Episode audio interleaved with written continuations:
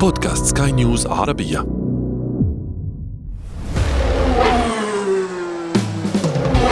محركات برعاية موتو برو.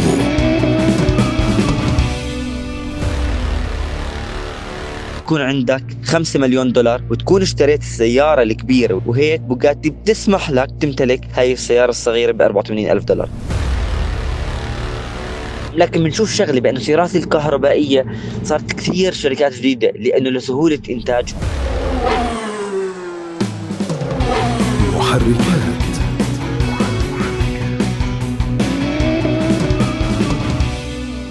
أنا أشرف فارس وأصحابكم في هذه الحلقة الجديدة من برنامج محركات حيث نساعدكم في تقوية ثقافة المركبات لديكم. عندما يحدثكم أحدهم عن أبرز المركبات التي ظهرت في فترة أخيرة غالبا تتوقعون مركبات فخمة وجديدة وكماليات مبهرة.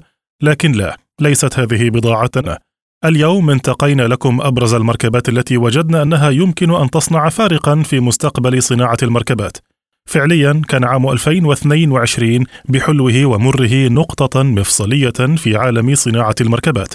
شهدنا أزمة الرقائق الإلكترونية وأشباه الموصلات التي عطلت سوق السيارات على مستوى الكوكب، رفعت أسعار المركبات المستعملة لكي تضاهي الجديدة في بعض الأحيان، وأخرت مواعيد تسليم المركبات الجديدة بالشهور بعد أن كانت تنتظر في الباب الخلفي لمعارض السيارات. أيضا عام 2022 شهد كذلك التوجه بشكل أقوى نحو الطاقة النظيفة والمركبات الكهربائية. التنافس في هذا المجال بدأ يتخطى المشكلات السابقة لتلك المركبات والتي كان أبرزها سرعة الشحن والمسافة المقطوعة. وربما كان هذا أيضا أول عائق أمام تصنيع مركبات كهربائية كبيرة وضخمة تستطيع المنافسة في هذه النقطة. حتى خرجت علينا شركة مونرو الإسكتلندية بمركبة MK1 الكهربائية. مركبة ال SUV هذه ظهرت بشكلها الصندوقي الذي جاء ما بين الهمر H1 واللاند روفر ديفندر مرفعة بشكل واضح للطرق الوعرة والأهم تدعي الشركة أن شحنة واحدة تدفع هذه المركبة للعمل 16 ساعة متواصلة في التضاريس القاسية كلام كبير يحدثنا عنها أكثر الصحفي المختص في المركبات روجي عبيد في شركة اسكتلندية هي مونرو. آه، من فترة كانوا حاكين بدهم ينتجوا سيارة دفع رباعي سيارة كهرباء. طبعا هاي مش شركة بصراحة معروفة بعالم السيارات بس كشفوا عن سيارتهم وبأرقام نوعا ما يعني حسب قول الشركة بأنه شحنه واحدة بتمشيهم 16 ساعة. بس لو بنفوت أكثر بالموضوع بنكتشف بأنه 16 ساعة في حال كانت السرعة هي بمعدل 11.9 mile. يعني عم نحكي يمكن 16 كيلو متر بالساعة يعني دحل بلغتنا العامية. طبعا شكل السيارة إذا حدا بيتفرج عليها هي اسمها مونرو إم كي 1 هاي السيارة بشكل سيارات الجيش بشكل صندوقي. يعني هي مش سيارة للمدينة هو يقال بأنه هي أقوى سيارة دفع رباعي. لكن بصراحة أنا بالنسبة لي في كثير تحفظات على السيارة من ناحية تصميم من ناحية الشركة اللي ما لها تاريخ بتصنيع السيارات بالأرقام اللي حطوهم لكن بنشوف شغلة بانه السيارات الكهربائية صارت كثير شركات جديدة لأنه لسهولة إنتاجهم. هي عبارة عن محرك كهربائي بطاريات والشاصي باقي التوابع ما في تعقيدات. عشان هيك بنشوف يمكن مرات أنواع سيارات نوعا ما بالنسبة لي أنا عليها تحفظات. مونرو الشركة الإسكتلندية التي تسعى لفرض اسمها بين الأسماء الكبيرة عبر التنافس الكهربائي ربما ستكون فرصتها صعبة نوعا ما عندما يتقدم اسم قديم مثل تويوتا بخطوة في هذا المجال.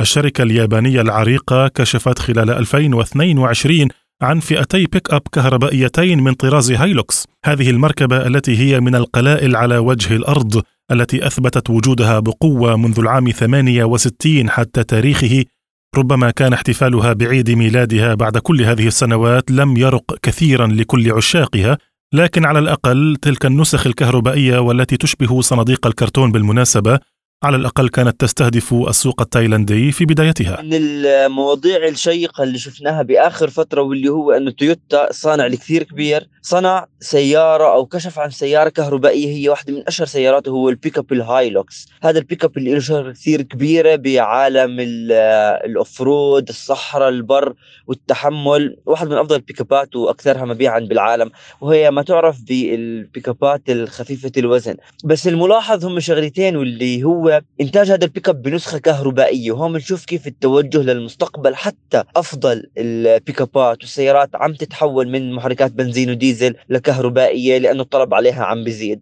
والتكنولوجيا كمان عم بتزيد والملاحظ كمان بأنه أنتجوه أو كشفوا عنه بتايلاند. بتايلاند ليش؟ لأنه هناك في كثير شعبية لهذا النوع من أنواع البيك ابات وخصوصا بأنه الايسوزو دي ماكس منتشر ونسبة المبيعات فيه كثير كبيرة. فتويوتا كانت قاصدة بأنه هي تكشف عنه بتايلاند وشفنا كمان سيارة أخرى بدت زي كأنها لعبة لكن هي سيارة حقيقية ومجسم. هون بيحكوا لنا كمان كيف تويوتا تطلعاتها. دائما دائما دائما السيارات الاختبارية بنشوفها بعد تقريبا يمكن خمس ست سبع سنوات مشابهة للطراز اللي بنشوفه الاختباري. عشان هيك أنا دائما بحكيها لازم الواحد بس يكون في طراز اختباري جديد الناس تركز على تصميمه وعلى التكنولوجيا لأنه راح نشوفها قريبا بالشوارع. رائدة المركبات الكهربائية تسلا ليس بوسعنا أن لا نتطرق للكهرباء دون أن نذكر اسمها. بدأت هي الأخرى تتنبه إلى أن ريادتها لم تعد تشفع لها كثيرا ولا بد أن تلحق بركب تطور السوق. الشركة التي لطالما استهدفت الطبقة المخملية حينما اشتهرت بمركباتها المدنية شهد عام 2022 إطلاقها أول شاحنة سيمي الكهربائية بالكامل. مثل العادة شركة تسلا بتتأخر دائما بإنتاج سيارات وبتتأخر دائما على العملاء بس شركة بيبسي بيبسيكو استنوا ثلاث سنين لحتى يستلموا أول ثلاث شاحنات من دفعة 15 شاحنة السيمي واللي هم شاحنات كهربائية. حسب حكي شركة تسلا بتمشي بين ال 300 لل 500 mile حسب الفئة. هاي الشاحنة هي نقلة نوعية بعالم الشاحنات لأنه عم نحكي عن شاحنة ب range كثير عالي أقل شيء 300 mile. للشركات تستخدمها. بس راح يكون المنافسة قوية لأنه في شركات مثل هيونداي مرسيدس بيشتغلوا بالهيدروجين وعم بيطوروا بعض التكنولوجيا. لكن أنا بالنسبة لي آه، شاحنة سمي هي يعني إبداع من إيلون ماسك لسبب لأنه دخلوا بقوة بمكان ما في منافسة. لكن نرجع بنحكي بأنه التأخيرات الدائمة من التسليم. وعلى فكرة شركة تسلا وإيلون ماسك دائما عندهم بأنه لازم تحط وديعة مبلغ معين عشان تحجز مكان للإنتاج. هم بحكينا عن أسلوب التصنيع وأيضا البيع اللي بيتبعه إيلون ماسك ومعلومة أخيرة عن هذا الموضوع بأنه سلمت الشاحنات الثلاثة واحدة بلون أبيض واحدة عليها أكيد شعار شركة بيبسيكو واللي هم شركة بيبسي وانبث live على تويتر خصوصا إنه إيلون ماسك كمان اشترى تويتر حسنا بالتأكيد مرت على مسامعكم مركبة جاك الصينية واحدة من الشركات التي تنازع خلال السنوات الأخيرة لكي تثبت نفسها في سوق الشرق الأوسط. عام 2022 كان موعدا للكشف عن طراز بارشيتا بشكل تجريبي.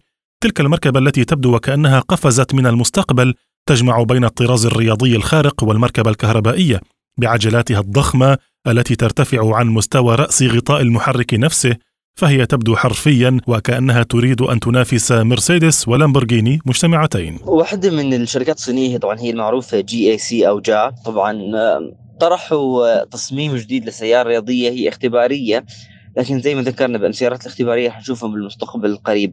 هي باسم جاك أو جي إي سي باريشتا. باريشتا هو معروف للسيارة المكشوفة اللي من دون آه، حتى قزاز أمامي. شفنا كثير عدة أمثلة مثل الفيات باريشتا آه، فيراري عندهم حتى الأستون مارتن. لكن جي إي سي بتهدف بأنه تنتج هذا النموذج الاختباري افتتاحا ل مركز التصميم اللي عندهم الموجود في ميلانو جديد افتتحوه. فما في أفضل من أنك تفتتح مركز للتصميم بإيطاليا من أنك تنتج سيارة حتى ولو كانت اختبارية بتصميم السيارات الرياضية الإيطالية مثل فيات مثل فيراري وغيرهم من السيارات. وهي صراحة نقلة نوعية للسيارات الصينية مثل هيك نوع من السيارات. دعونا نخرج قليلا من بوتقة المركبات الكهربائية.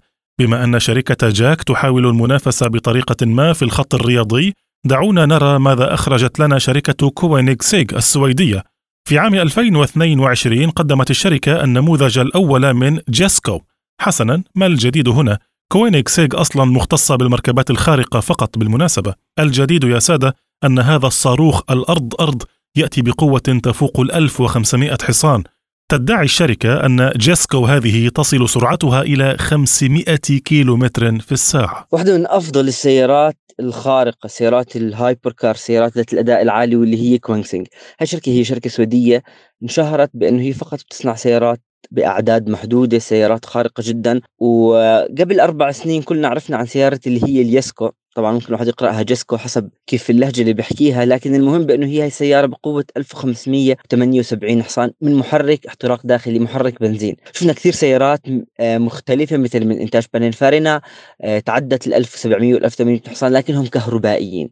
اليوم شركة كوينسينج لسه محافظة على محرك الثمان أسطوانات V8 5000 سي سي مزود بشحن توربيني عم بنتج قوة هائلة.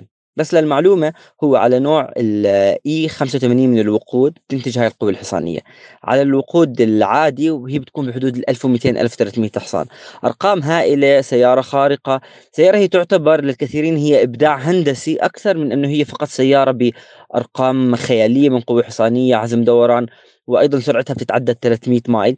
لكن هي بالفعل Koenigsegg من ناحية التصميم مختلفة عن السيارات الثانية من ناحية الأداء مختلفة عن السيارات الثانية فبالفعل هي لساتنا بحقبة جميلة جدا إنه إحنا عم نشهد سيارة مثل Koenigsegg بمحرك احتراق داخلي بهاي القوة الحصانية. طيب بما أننا دخلنا عالم المركبات الخارقة دعونا نتوقف مع واحدة من أباطرة هذا الخط بوغاتي.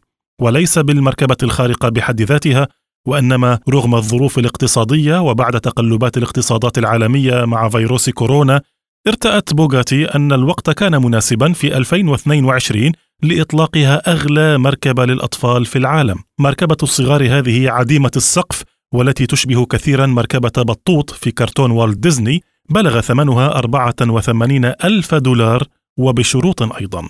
بس نحكي بالعادة اسم بوغاتي بنحكي عن سيارة رياضية قوة حصانية عالية سعة محرك كثير كبيرة وسعر مرات ممكن نحكي عنه سعر فلكي.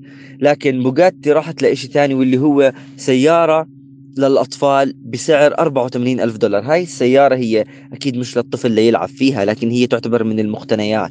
في إشي بعالم السيارات اسمه السيارات ال juniors واللي هم سيارات كشكل وتصميم طبق الأصل عن السيارة الكبيرة الحقيقية لكن هي بتكون سيارة صغيرة الحجم محرك السيارة ما بيكون نفس محرك. مثلا لو حكينا سيارة junior من فيراري أو مرسيدس ما بيكون من نفس الشركة لكن هو بيكون تعاون. شركة معينة بتصنع هاي السيارة كتصميم خارجي وأيضا تصميم داخلي وبيكونوا حاطين عليها لوجو السيارة وبتكون بعض الحالات توصل 10000 و 20000 دولار.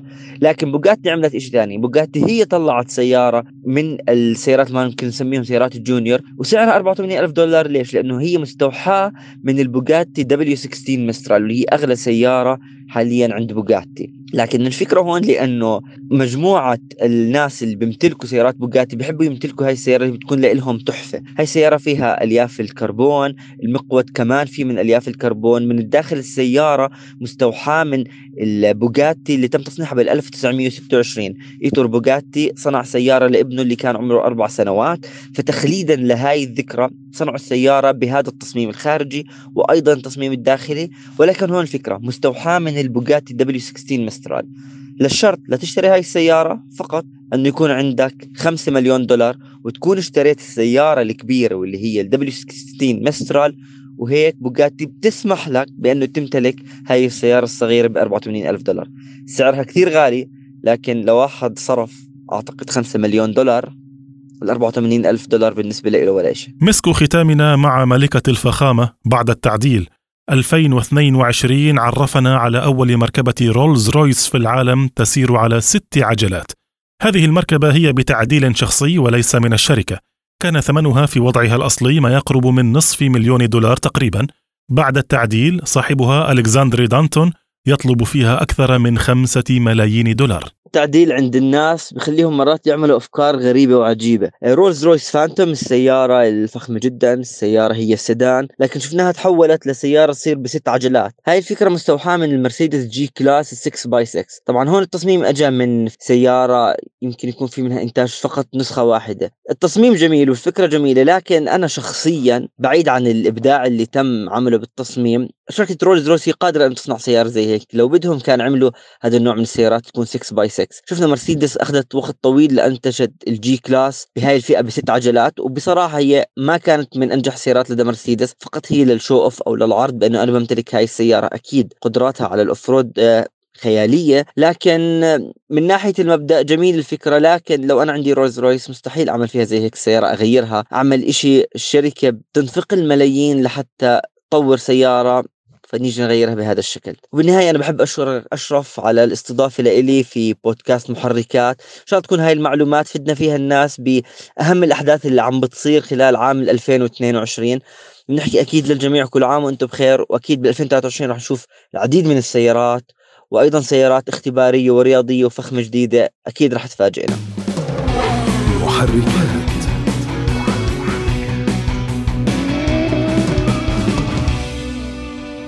وعند هذا مستمعينا وصلنا إلى ختام هذه الحلقة. نلقاكم بالمزيد من الموضوعات الشيقة في السنة الجديدة بإذن الله. الشكر موصول بالطبع إلى ضيفنا في هذه الحلقة الصحفي المختص في المركبات روجي عبيد. وقبل الختام لا تنسوا متابعة برنامج بداية الحكاية. الزميل عمرو جميل يطرح فيه قصص البدايات للأحداث الكبرى في حياتنا. أما في هذه الحلقة فقد صحبتكم فيها إعدادا وتقديما. محدثكم أنا أشرف فارس وكان معي في الإخراج الفني إيدي طبيب. نلقاكم في حلقة أخرى من برنامج محركات حيث نسعى دائما لتقوية ثقافة المركبات لديكم. في أمان الله.